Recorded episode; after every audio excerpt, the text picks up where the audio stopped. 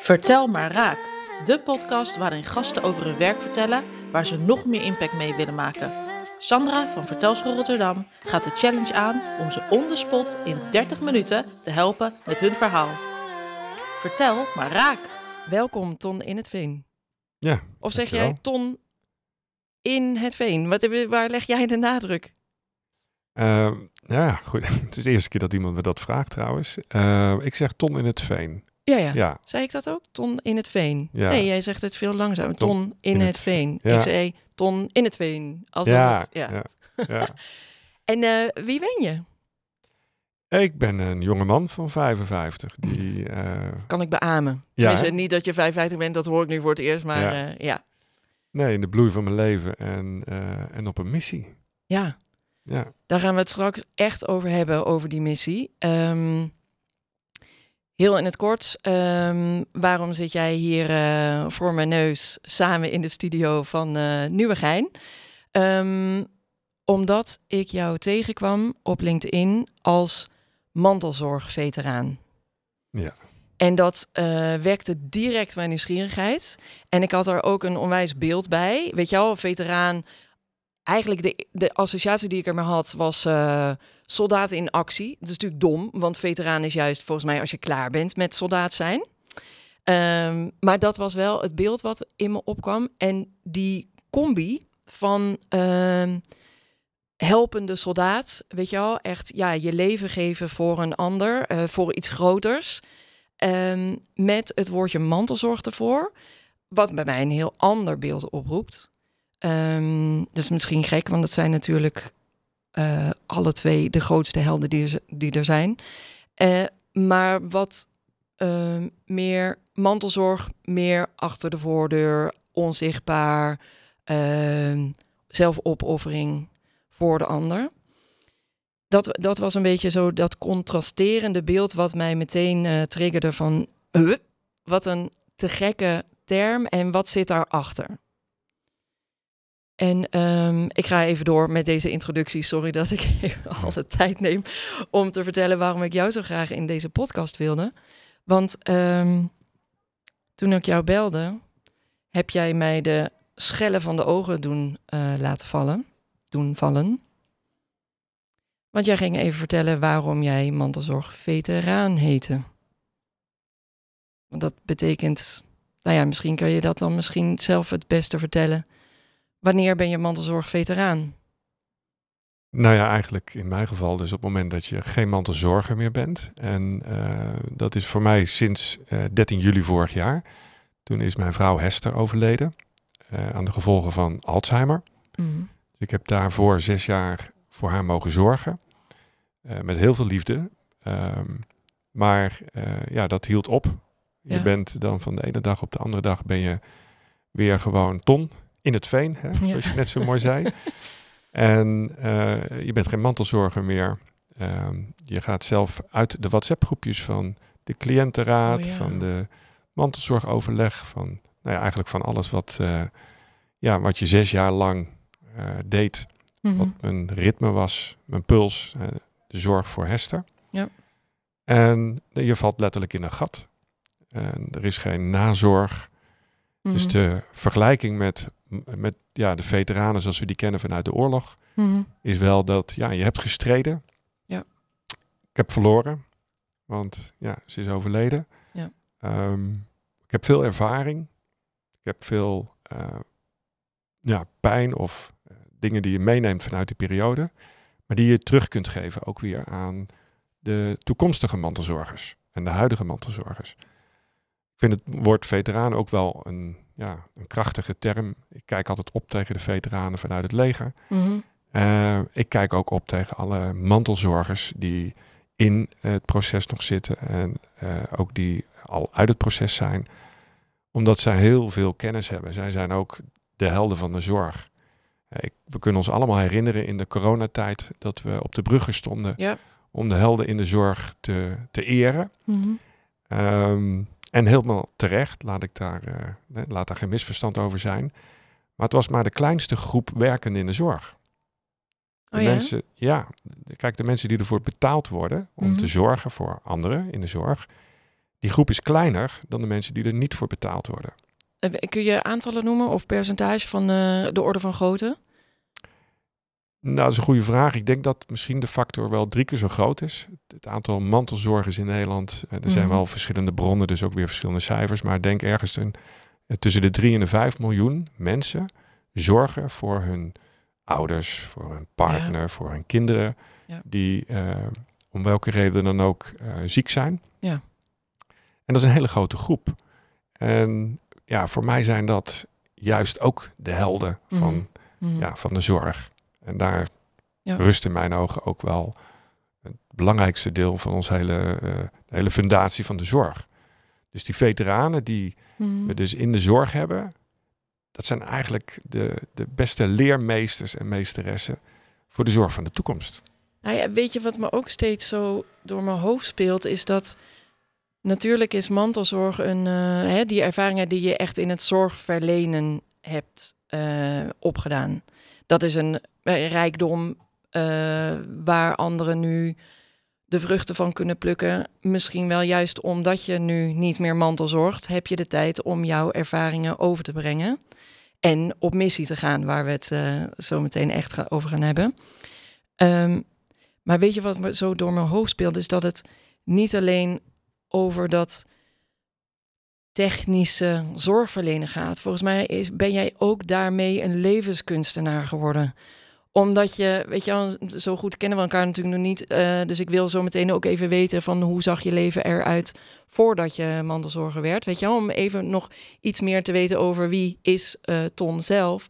Ehm, maar dat de, het gaat natuurlijk niet alleen over de zorghandelingen. Het gaat toch ook over waar gaat het leven eigenlijk echt om? Waar gaat de liefde echt om? Waar, waar haal ik mijn energie uit en waar lekt die op weg? En weet je wel, dus dat soort, dat lijkt me echt dat dat in een ja, snelkookpan zeg maar terechtkomt als je voor zo'n situatie eh, komt te staan. Ja, ehm, je komt inderdaad in een wereld van tegenstrijdigheden, want je bent je, in mijn geval ben ik mijn partner aan het verzorgen geweest. Mhm. Ik was bezig met het verzorgen van mijn partner, waar ik een, een liefdesverhouding mee had, ehm, waar ik nog steeds heel veel van hield, maar waarbij de situatie natuurlijk, of de, de relatie was niet meer gelijkwaardig. Nee. En ehm, ik zit even nu terug te even na te denken over wat je nou precies vroeg, want dat was een lange vraag. Ehm, ja, of je, nou ja, in ieder geval, ik wilde eh, tegen je aanhouden, zeg maar, dat, dat er steeds zo door mijn hoofd speelt dat je ook levenskunstenaar ervan bent geworden. Weet je wel? Dus dat die, waar gaat het nou echt om in het leven? Dat je daar in een hele ehm, gecomprimeerde vorm, zeg maar, een hele compacte vorm, daar antwoorden op zoekt en krijgt. Ja, kijk, ik heb, en, en dat ligt dan wel even ook in de, in de aard van de personen in mijn geval, ehm, altijd gekeken naar de positieve kant van elke situatie. Vanaf dag één. Vanaf dag één. Dus op het moment dat eh, zij de diagnose kreeg bijvoorbeeld, Mhm. was dat ook trouwens voor haar, maar was dat ook een, een eh, gaf het ook rust, want het gaf, terwijl we wisten van nou oké, maar dat betekent dus dat je doodgaat Ja. hè, binnen vijf, zes, zeven jaar, Mhm. Ehm, gaf het ook rust omdat je het dan een plek kunt geven. Ja. Je weet eh, de gedragsveranderingen, dat is niet Hester, maar dat is meneertje Alzheimer. Ja. Daar kan ik, nou ja, zeker verstandelijk ehm, heb ik daar begrip voor. Hè, gevoelsmatig was het nog wel eens lastig. Wil maar- je meteen tijd knokken. Nou ja, dat is af en toe dacht ik, ja, het kan niet altijd meneertje Alzheimer zijn. Nou ben je gewoon even niet leuk, zeg maar. Hè? En Oh ja. andersom kreeg ik dat ook hoor. Ja, ik ben het nu niet vergeten, nou ben jij het vergeten. Of eh, hebben ja, daar ook altijd heel veel humor in gehad. En ehm, Knap. ja, en ik, ik heb drie kinderen, eh, Mhm. drie prachtige dochters. Met, Ehm, met haar? Nee, niet met Mhm. haar, maar zij kwam eh, wel vrij eh, op, op een leeft, vrij jonge leeftijd zeg maar, van mijn kinderen in, in hun leven. Mhm. Ze heeft wel een moederrol gespeeld voor hun. En ehm, daarmee probeer ik altijd te kijken naar wat zijn nou de pareltjes die verborgen zitten in de dingen die je overkomen. Mhm. Eh, zoals in dit geval dan de ziekte van Hester. Ja, wat kunnen we daarvan leren? Wat kunnen we daarvan meenemen? Waardoor de ziekte die voor haar dan zinloos is geweest, voor ons niet Ja. meer zinloos is gebleven. Is dat iets waar je echt naar Weet je wel wat je wil vastpakken, wil gebruiken ook om daarmee te dealen verder?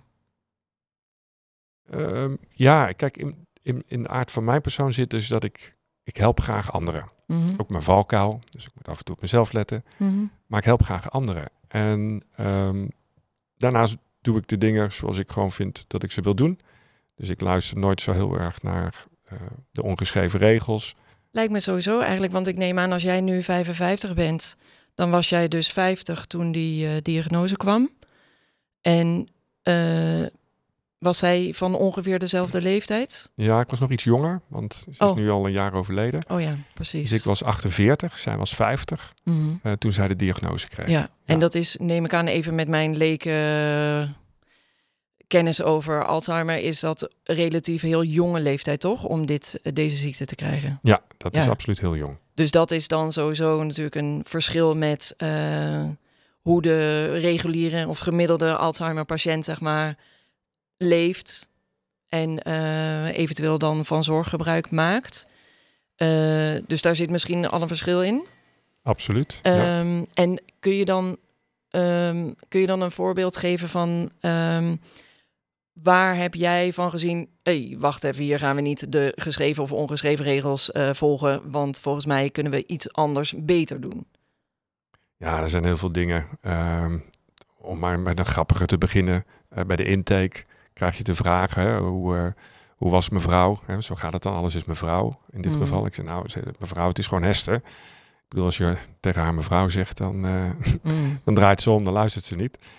Ehm, ja, eh, wilt u ook dat ze eh, geschoren wordt?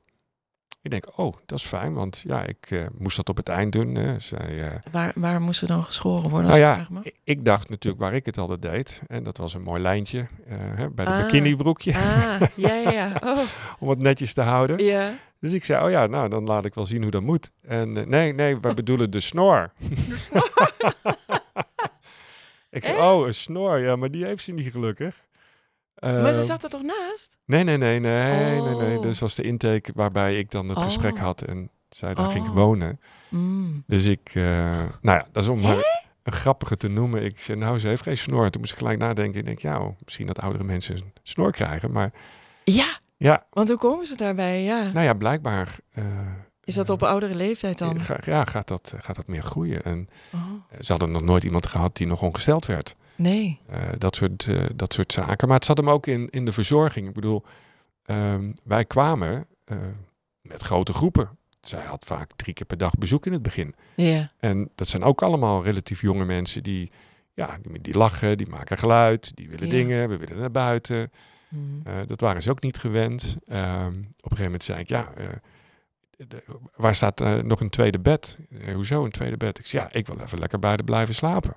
Mhm. Oh, oh. ehm, nou, dat kan allemaal, maar vaak is dat allemaal pas in de fase dat je, in de laatste levensfase, Mhm. dat je dan nog bij iemand wil zijn op het moment dat hij overlijdt. Ja. Ik zei, nou nee, ik wil dat nu doen. En, en, en dan wil ik voor de koken. En eh, Ja. nou ja, dat, dat soort zaken. Hele basale eh, dingen die voor ons tot voor kort daarvoor eh, dus heel normaal waren. Mhm. Die vervallen dan in zo'n verzorgingshuis. Want zij is dus op een gegeven moment naar zo'n verzorgingshuis gegaan. Maar dat zal ook niet na dag één zijn geweest. Dus kun je, in welke periode was dat ongeveer dat zij uit huis ging? Dat is eh, bijna drie jaar na diagnose. Tweeënhalf jaar, ja. Ja. Oké. Hey, en eh, om, om ehm, toch nog ook even bij het begin te beginnen. Eh, want ik kan me voorstellen dat de dag van de diagnose, dat is niet de eerste keer dat je iets merkt dat er iets aan de hand is. Ehm, maar toch, toen je nog niet eh, naar de dokter was geweest. Hoe zag je leven er toen uit? Nou ja, goed, als dat de periode, want dit is mijn, mijn tweede relatie. Mhm. Ehm, de relatie met Hester was, ik, ik latte daarvoor eh, vrij lang met haar, Mhm. eh, omdat mijn kinderen nog, toen nog twee thuis woonden. We zagen elkaar elk weekend. Nou, dan merk je eigenlijk relatief weinig. Mhm. Want ik weet nu met terugwerkende kracht dat het al vrij lang van tevoren al eh, begonnen is. Mhm. Ehm, maar ja, je bent ook verliefd, je houdt van elkaar. En ja, als ze dan weer eens de weg kwijtraakte of ze was weer eens iets anders vergeten, dan waren dat voor mij haar perfect imperfections. Ja, ja, ja. Daarom hield Ja. ik van haar. ja. Ehm, Want op welke leeftijd hebben jullie elkaar ontmoet dan? Kregen jullie wat? Even kijken, ik was 41, 40, 41, Oh ja. 41, ja. En je denkt serieus dat vanaf toen al eh, die symptomen aanwezig waren? Nou, in ieder geval een jaar later weet ik dat we eh, heel specifiek in een appartement waren waar we op vakantie waren. Het was toevallig een vrij groot appartement met veel deuren, maar er was maar één badkamer. En zelfs na een week kon ze de badkamer vaak niet vinden. Oh ja. Ik sta daar dan verder niet bij stil. Nee. Maar achteraf gezien snap ik nu dat op het moment dat iemand met dementie in een veranderende omgeving komt, Ja. ja, dat soort dingen niet snel meer onthoudt. En dat zijn dan van die hele kleine signalen die niet heel relevant zijn op dat moment, maar wel kunnen Nee. leiden tot. eh, Ja, precies. En die zie je dan achteraf. ja, precies. En dat betekent dus dat zij rond de 43ste eh, al eh, symptomen had. Ja, zij begon ja, ja, 43, 44. eh, Ja. Dat is ongeveer de periode dat ik denk dat het wel begonnen is. Wel lekker, want dat is echt precies mijn leeftijd ook. Super. Ja, ja. nou ja, goed. Nee hoor, dit gaat Dit helemaal niet over mij. Maar dat is toch wel waar herkenning vaak vandaan komt. Hè? Van, Ja, dat je zo'n shockmoment eigenlijk van dit kan mij ook overkomen. Dat is net een beetje als je kinderen krijgt en, en je leest wat over dat er iets eh, gebeurd is met een kind in de krant. Dan ben je opeens echt totaal van de wereld. Omdat je dan die invoelmomenten nog iets harder hebt dan... eh, Nou ja, kijk, op jonge leeftijd gebeurt het ook niet zo, eh, zo heel vaak. Mhm. Maar eh, één op de drie vrouwen krijgt uiteindelijk een vorm van dementie. mhm. En eh, dat zijn hele grote aantallen. Ja. En is dat bij mannen anders dan? Ja. Oh ja? één op de zeven. Echt? Wij hebben mazzel. Of noemen we het gewoon niet zo bij Ja. ja, het begint al eerder en, en we zijn eraan gewend. ja. Nee, dat mag jij zeggen. Ja. Oh. Ja. Ik vroeg het. Ik, vroeg Ik denk dat er meer mannen zijn die de diagnostiek eh, eh, uitvoeren. Ja, ja, dat zou kunnen. Jeetje joh. Ja. Ja, en, en is het nou voor jou, kijk, want eh, ehm, voor mij, voor mij hoor ik hoor dit voor het eerst zo uitgebreid van jou, zeg maar. En ja, ik ben ook door de feiten wel in shock of zo, zeg maar. Dus is dat voor jou, is dat voor jou ook nog dat wat haar en dus jullie is overkomen, dat dat iets heftigs is? Voelt dat voor jou zo? Ja, eh, nou wacht. ik heb gelijk een kikker in mijn keel.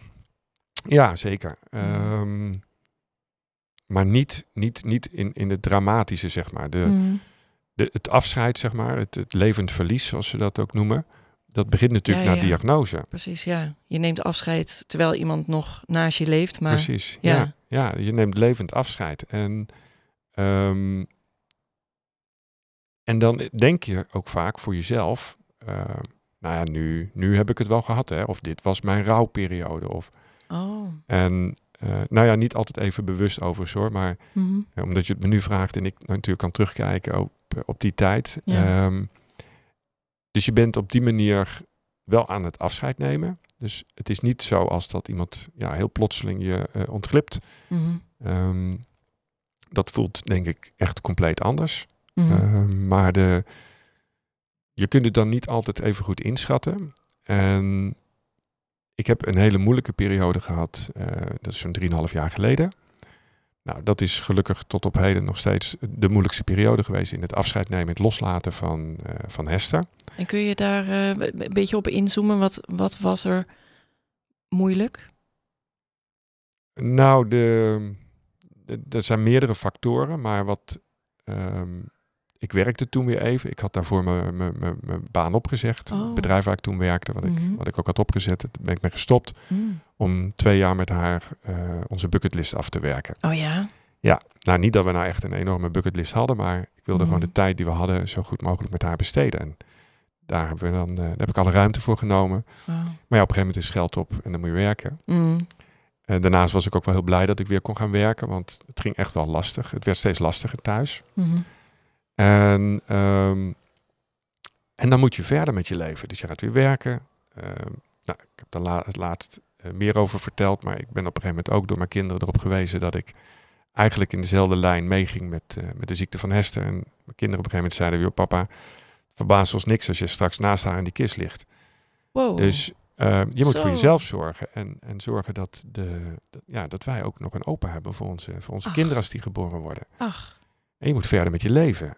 En dat was wel een, een eh, wake-up call. Want ik Wat dacht, zagen ze bij jou dan dat ze dit zeiden? Want ik kan me voorstellen dat zegt een kind ook niet eh, direct bij de eerste gedachte vlodder, weet je wel? Dat is wel een statement. ja, kijk, mantelzorgers hebben het gewoon zwaar. Mhm. Iedereen die, die eh, mantelzorger is, weet hoe die ook elke keer zijn eigen grenzen verlegt. Hm. Elke keer weer opnieuw een balans probeert te creëren. En denkt, oké, nou heb ik de balans weer gevonden. Mhm. Maar een maand later is die weer verstoord. En ga je weer opnieuw eh, op zoek. Dus dat zijn hele kleine stapjes. Mhm. Voor mensen die wat iets verder van je afstaan, zijn dat vaak grotere stappen. Want die zien dat één keer in de twee, drie maanden. Ja. En ook mijn werkgever eh, zag het. Dus die, eh, ik werkte daar net een jaar. Die zei, Ja. Hilton, je moet naar huis. Oké. Ga maar thuis zitten. je bent ziek. Een soort burn-out, zeg maar. En Herkende je dat toen je, toen je kinderen en je werkgever dat zeiden Nee. tegen jou? Nee, nee. Want ik zei nog, ik, ik, ik wil niet naar huis. Ik, ik wil gewoon werken. Ja. Ehm, eh, mijn kinderen zeiden het. eh, dat kwam wel meer binnen natuurlijk. Want die kennen me, ja, Mm. die kennen mij natuurlijk wel veel beter. Ja. Dus je... En dan kom je thuis. En in die periode ging Hester ook eh, uiteindelijk in het verzorgingshuis wonen. Mhm. Nou, dan moet je dat soort beslissingen nemen. En je moet verder met je leven. Ja. Betekende dat ik, dat ik ook verder ging met het, het zoeken naar een nieuwe relatie. Hè, want ik was al heel lang Mm. alleen in mijn eigen relatie. Mm. En ehm, er was al, ja, al drie, vier jaar niemand meer die aan mij vroeg eh van joh, eh, op de bank, Ton, hoe was jouw dag? Ja. Eh, Er was geen intimiteit. Er was, er was helemaal, ja, dat was allemaal verdwenen. Nee, want je raakt haar natuurlijk wel aan, maar dat zijn dan zorghandelingen, of niet? Of, of... Nou ja, ook wel kussen en knuffelen. Ja, Maar dat was niet meer wederzijds. Mm. En ehm, eh, hoewel ze er dan wel van genoot op de manier hè, dat ze, Mhm. ze eh, voelden dat we bij elkaar hoorden. Mm. Dus dat gevoel was er en, en is er ook gebleven. Eh, maar ja, dat is niet hetzelfde. Zij had steeds meer moeite met praten. Oh ja. Zij had het empathisch vermogen. Is vaak bij mensen met dementie verdwenen, al Ja. vrij snel. Oh, Ja. vrij snel. Ja, ook al vrij snel. Ja. En, ehm, maar goed, ik was me daar dus minder van bewust. Maar op het moment dat je Mm. dan weer opnieuw de liefde gaat zoeken. Maar dat, heb je, dat is een bewuste handeling van jou geweest dan? Ja, absoluut. Ja. nou goed, naar aanleiding natuurlijk wel van, van, van mijn kinderen die me daarvoor, eh, nou ja, eh, nou niet toestemming verleenden, maar die, die het wel te sprake brachten. Oh ja? Dus die, eh, ja, en Wat mooi zeg, want zij hebben jou echt, denk ik, onwijs willen helpen in ieder geval. En ik misschien ook wel echt daadwerkelijk geholpen door zo een spiegel eigenlijk voor te houden van... eh, papa, maken we ons zorgen, zo, zo, zo ga jij daarnaast eh, Ja. liggen. Kun je weer een beetje gaan leven. ja, nou, absoluut. Alleen, het is wel, ehm, het, het maakte wel heel erg veel los. Eh, Dat kan me in, denk ik, ja. hè, ik ben nog, zeg maar even ouderwets monogaam, moet ik tegenwoordig maar zeggen, als ik alle Maar bladen het lees. maakte bij jou heel Bij veel... mij. Ja, ja. Ja, ja, bij mij. En ehm, want hoe kun je nou openstellen voor een nieuwe liefde als, als je zorgt voor, voor de liefde van je leven? ja. Hè, hoe Ja. doe je dat? En hoe verantwoord je dat naar jezelf? Eh, Mhm. schuldgevoel is in het algemeen bij mantelzorgers, zeker voor mensen met dementie, Mm. is, is een issue. Ja. In alle gevallen voelen bijna alle mantelzorgers zich schuldig. Tekortschieten, Tekortschieten. En soms ongeduld verliezen misschien. ja, dat kan echt van alles zijn. En, ehm, en dat, dat voelde ik ook. Mm. En helemaal hiervoor. Ja. Dus het, het openstellen van, eh, van jezelf in een fase waarin je eigenlijk gewoon dingen aan het afsluiten bent, ehm, ja, was heel tegenstrijdig. En Mhm. tegelijkertijd af en toe ook heel erg mooi. Dus ik Mhm. ben blij. Ik zou eigenlijk met alle beslissingen die ik genomen heb, eh, denk ik niet dat ik eh, veel dingen zou veranderen als ik het opnieuw moest doen. Mhm. Maar het is niet makkelijk. Ehm, jouw werk richt zich nu op het verbeteren van mantelzorg, volgens mij. Ja, informele zorg. Informele zorg. De dat grootste is- groep werkende mensen in de zorg. Ja, Ja. precies. En, ehm, en is zit daar nog een verschil dan tussen? De, van, ehm, de mantelzorg is niet precies hetzelfde als de informele zorg? Jawel, jawel. Mm, Oké. En ehm, wil jij eens zo nu eh, ons meenemen in wat hoop jij eh, dat uiteindelijk die informele zorg eh, eruit gaat zien? Ja, als ik een klein stapje terug doe, eh, mijn hele eh, werkende werkende leven, zeg maar, is, eh, heeft altijd in teken gestaan voor creativiteit. Mhm. Ik heb altijd creatief gekeken naar waarom iets is, hoe het anders kan eh, en hoe ik dat dan morgen ga doen, zodat ik meer mensen blij maak. Ehm, andere mensen kunnen dat ook marketing noemen en sales. Dat klinkt dan altijd ineens heel anders. Maar dat is wel wat je doet. Je brengt vraag en aanbod, eh, in mijn geval met passie bij elkaar. Mhm. En ik heb al vanaf eh, ja, vorige eeuw, kunnen we zeggen nu. Eh, Opa vertelt. Ja, opa vertelt. vanaf 96 eh, ben ik online gegaan, zeg maar. Oh ja? Ja.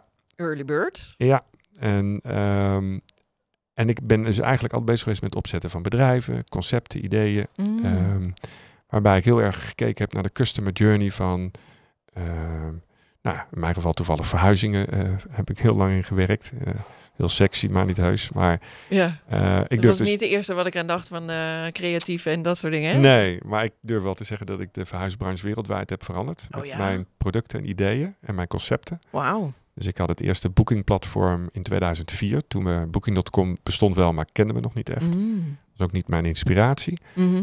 Ehm, Zij waren, zij, jij was hun ins- inspiratie. ja, nou, dat, eh, dat denk ik ook niet. Maar, ehm, dus ik ben altijd op het snijvlak van eh, vraag, aanbod, eh, Mhm. techniek. Mhm. ehm, en vanuit passie bezig geweest met, met mijn werk. Toen zij de diagnose kreeg, zag ik bijvoorbeeld dat zij haar zelfredzaamheid verloor Mhm. in die periode dat ze nog thuis woonde. De technische oplossingen die daarvoor zijn. Dus, of laat ik het anders vertalen. Onze customer journey vanaf diagnose Mhm. werd mijn inspiratiebron. Dus elke keer op het moment dat ons eh, iets overkwam, ehm, gedurende dat hele proces, onze journey, dacht ik van ja, maar waarom? Dat kan anders. Ik weet dat dat technisch bijvoorbeeld anders kan. Of eh, op een andere manier eh, eh, dingen verbinden. Mhm. En oplossingen waarvan ik dus dacht, die moeten er al zijn, die waren er niet. En toen ik verder ging zoeken, dacht ik, kwam ik erachter dat daar geen verdienmodel is. Hè, in Ah. Nederland heb je, verdien je geen geld als ik, als ik jouw zelfredzaamheid vergroot. Mhm. Ehm, en zeker niet op een, de meest humane manier of wanneer we dingen voorkomen. De overheid is wel enigszins aan het verschuiven, maar goed, Mhm. Hè, zo snel gaat de overheid niet. Hm. Ehm, dus veel technische ontwikkelingen die er waren voor mensen die in de ziektewet zitten, die, die, eh, zeker voor mensen met dementie, die zijn stigmatiserend, die zijn controlerend. Eh, Big Brother is watching you met camera's en sensoren. Ja. Nou, daar kunnen eh, technische mensen helemaal plat op gaan. Technisch kan ook alles. Mhm. Maar je wilt toch niet dat, dat als je thuis woont en je denkt zelf, nou het valt allemaal wel mee. Mhm. En je ochtends niet naar het toilet gaat, dat je dan om 11 uur een telefoontje krijgt van je kinderen of van de thuiszorg. Van joh, eh, Ton, eh, je, hebt nog niet, eh, je bent nog niet naar de wc geweest vanochtend, zien Leef op, nog? op de monitor. Ja. ja. Moet je niet nog eens eventjes gaan, gaan plassen? Mhm. Hè, dat, dat, dat zijn dingen, dat wil je niet. Je wilt het zelf eh, ontdekken. Dus ja, lang verhaal kort, ik ben me gaan inzetten om dat soort dingen te ontwikkelen. Om te kijken vanuit, hè, ik heb een baan, alles opgezegd toen. Eh, hoe kunnen we daar wel een verdienmodel van maken? Eh, niet de rekening neerleggen bij de mensen die ziek zijn, maar Mhm. bij de mensen die er voordeel van hebben op het moment dat ze langer zelfredzaam zijn. Eh, ja, want het, het levert er misschien geen geld op, maar het bespaart natuurlijk wel de Ja. kosten. Ja, en dat is wel heel lastig aan te tonen. Dus dat is ook Mm. niet iets waar je, als je daarop gaat zitten wachten, dan, Mm. dan gebeurt er ook niks. Mhm. Ehm, dus ik heb dat op mijn manier gedaan, bedrijf opgericht, eh, die heeft een bepaalde techniek ontwikkeld. Maar mijn customer journey ging sneller dan de ontwikkeling van dat bedrijf. Mhm. Dus ik ben daar weer gestopt begin dit jaar. Het ontsluiten van de, de potentie, de kracht en, en het, het mooie wat er schuilt inderdaad in, in de kennis en ervaring van mantelzorgers. Hè, de, in de informele zorg kent gewoon een enorme grote informatiebron. Dat is mijn ervaring Mhm. en de ervaring van die andere 3 miljoen mensen. Ja. Op het moment dat je dat met elkaar kunt gaan delen, op het moment dat je een soort lotgenotencontact hebt of eh, deelgenootcontact, klinkt iets positiever, Mm. Ehm, dan kun je veel meer bereiken in mijn optiek. Hè, dat zijn alle best practices. En dan breng Ja. ik het weer terug even naar gewoon mijn- vorige werk. De customer journey, dan hebben we het Ja. altijd over best practices. Ja. Ehm, hoe kun je die vertalen naar kennis die overdraagbaar is, die ehm, toegankelijk is en, ehm, en die ja, vooral schaalbaar ook Mhm. eh, met elkaar gedeeld kan worden. En die je teruggeeft aan de informele zorg en de formele zorg. Want ik denk dat die twee werelden bij elkaar moeten komen. Mm-mm. Het verbinden van de informele en de formele zorg. Het nieuwe multidisciplinair overlegteam hè, van de toekomst. Daar zit in mijn optiek de mantelzorger niet alleen aan tafel, Mhm. in mijn optiek zelfs aan het hoofd van de tafel. Totdat hij zegt van nou, ik delegeer dat aan de case manager of aan wat anders. Ja. Maar dat het uitgangspunt moet zijn dat het vertrekpunt dus, of de persoon om wie het betreft, Mhm. ehm, aan het hoofd van de tafel zit. En de formele zorg, eh, de- we kennen hele duidelijke schotten in Nederland, daar zijn we altijd goed in. Financieel ook. Dus we hebben de, de, de ZVW, de WLZ en de WMO. Voor de mensen die dat snappen, zijn dat, eh, hoef ik dat niet uit te leggen, maar dat is even hoe je, nou ja, Ik zal het even in de show notes erbij zetten. ja, hoe je vergoed wordt. Maar ehm, de, de zorg gaat niet van de ene dag op de andere dag ineens anders. Door te verbinden, meer begrip te eh, eh, wekken voor elkaar. Hè, de Mhm. formele zorg voor de informele zorg en de informele zorg weer voor de formele zorg. En je gaat samenwerken, dan zul je zien dat je langer thuis woont, dat je minder zorg nodig hebt, dat je meer kennis krijgt in het begin, eh, die je later ja, weer kunt teruggeven. En nou ja, eh, we hadden het er straks al heel even over daten. Mhm. Eh, nou, zo kijk ik er dan naar. Dan denk ik, hé, hey, we hebben allemaal dating apps. Eh, wat doen die nou heel erg goed? Dat is matchen. Ja. Matchen vraag en aanbod. Daar wordt er gematcht aan de hand van nou ja, allerlei kenmerken Mhm. En foto's. en foto's. Eh, meestal van tien jaar geleden. Maar ehm, dat kun je doen, ook op dezelfde manier, maar dan met vragen. Ik heb een probleem, ik heb een eh, situatie. eh, vragen waarvoor ik altijd hulp vroeg was. Eentje daarvan is, eh, ik moet mijn huis, of ik overweeg om mijn vrouw uit huis te plaatsen. Mhm. Ik wilde met iemand spreken die een half jaar op mij voorliep en die Ja. beslissing had genomen. En Ja. wat waren haar best practices of haar failures? Mhm. Dus als je op die manier, hè, er is natuurlijk weer geen businessmodel nog in de informele zorg, maar Mhm. Maar dat zijn de dingen waar ik mee bezig ben. Ehm, ja, dat maakt het ook eh, ongelooflijk mooi om nou, al die mantelzorgveteranen die er dan nog meer zijn, Ja. eh, om hun niet alleen in hun kracht te zetten, Mhm. maar ook om hun ook vaak de gelegenheid te geven om hun kennis te delen. Want Ja. waar ik ook achter kwam was dat heel veel mantelzorgers willen anderen helpen, andere mantelzorgers. Hè, worden vaak vrijwilliger op de plek waar hun Oh ja. waar de persoon waar ze voor zorgde is overleden. Ja. Hè? Dat zegt wat over eh, het commitment wat die mensen hebben om dat te kunnen en willen delen. Ja, ik zou zeggen, overheid, eh, bel even op. Ja. Ik heb geen eh 8,6 miljoen nodig die Corny Helder nog wilde uitgeven als, als, eh, hè, voor een zorgarrangeur. Ik heb maar 1 miljoen nodig. Maar dan hebben we dat morgen. En dan ontsluiten we die eh 3 miljoen of 5 miljoen mensen. eh, geven ze een stem. Wauw. En eh, nou, deze verkiezingen niet, maar misschien wel over vier jaar eh, krijgen we een minister van informele zorg. Fantastisch. Meld ik me aan. Kijk. High five. High five. Prachtige afsluiter. Iets later dan we gewend zijn van deze podcast, maar ik, ehm, eh, deze is bijna een luistermaaraak geworden. Ja. Dankjewel, Ton. Heel graag gedaan. Jij bedankt voor het luisteren naar dit prachtige verhaal. En ik hoop dat je wat kon met de aanwijzingen en tips die ik deze keer gaf. Klik op volgen om de volgende podcast niet te missen. En bij voorbaat heel veel dank als je 5 sterren wil geven aan deze podcast. Laat het me weten als jij zelf een keer te gast wil zijn. Of als je iemand kent voor deze podcast. Ga daarvoor naar www.vertelschoolrotterdam.nl slash podcast. En heel graag tot het volgende verhaal met impact.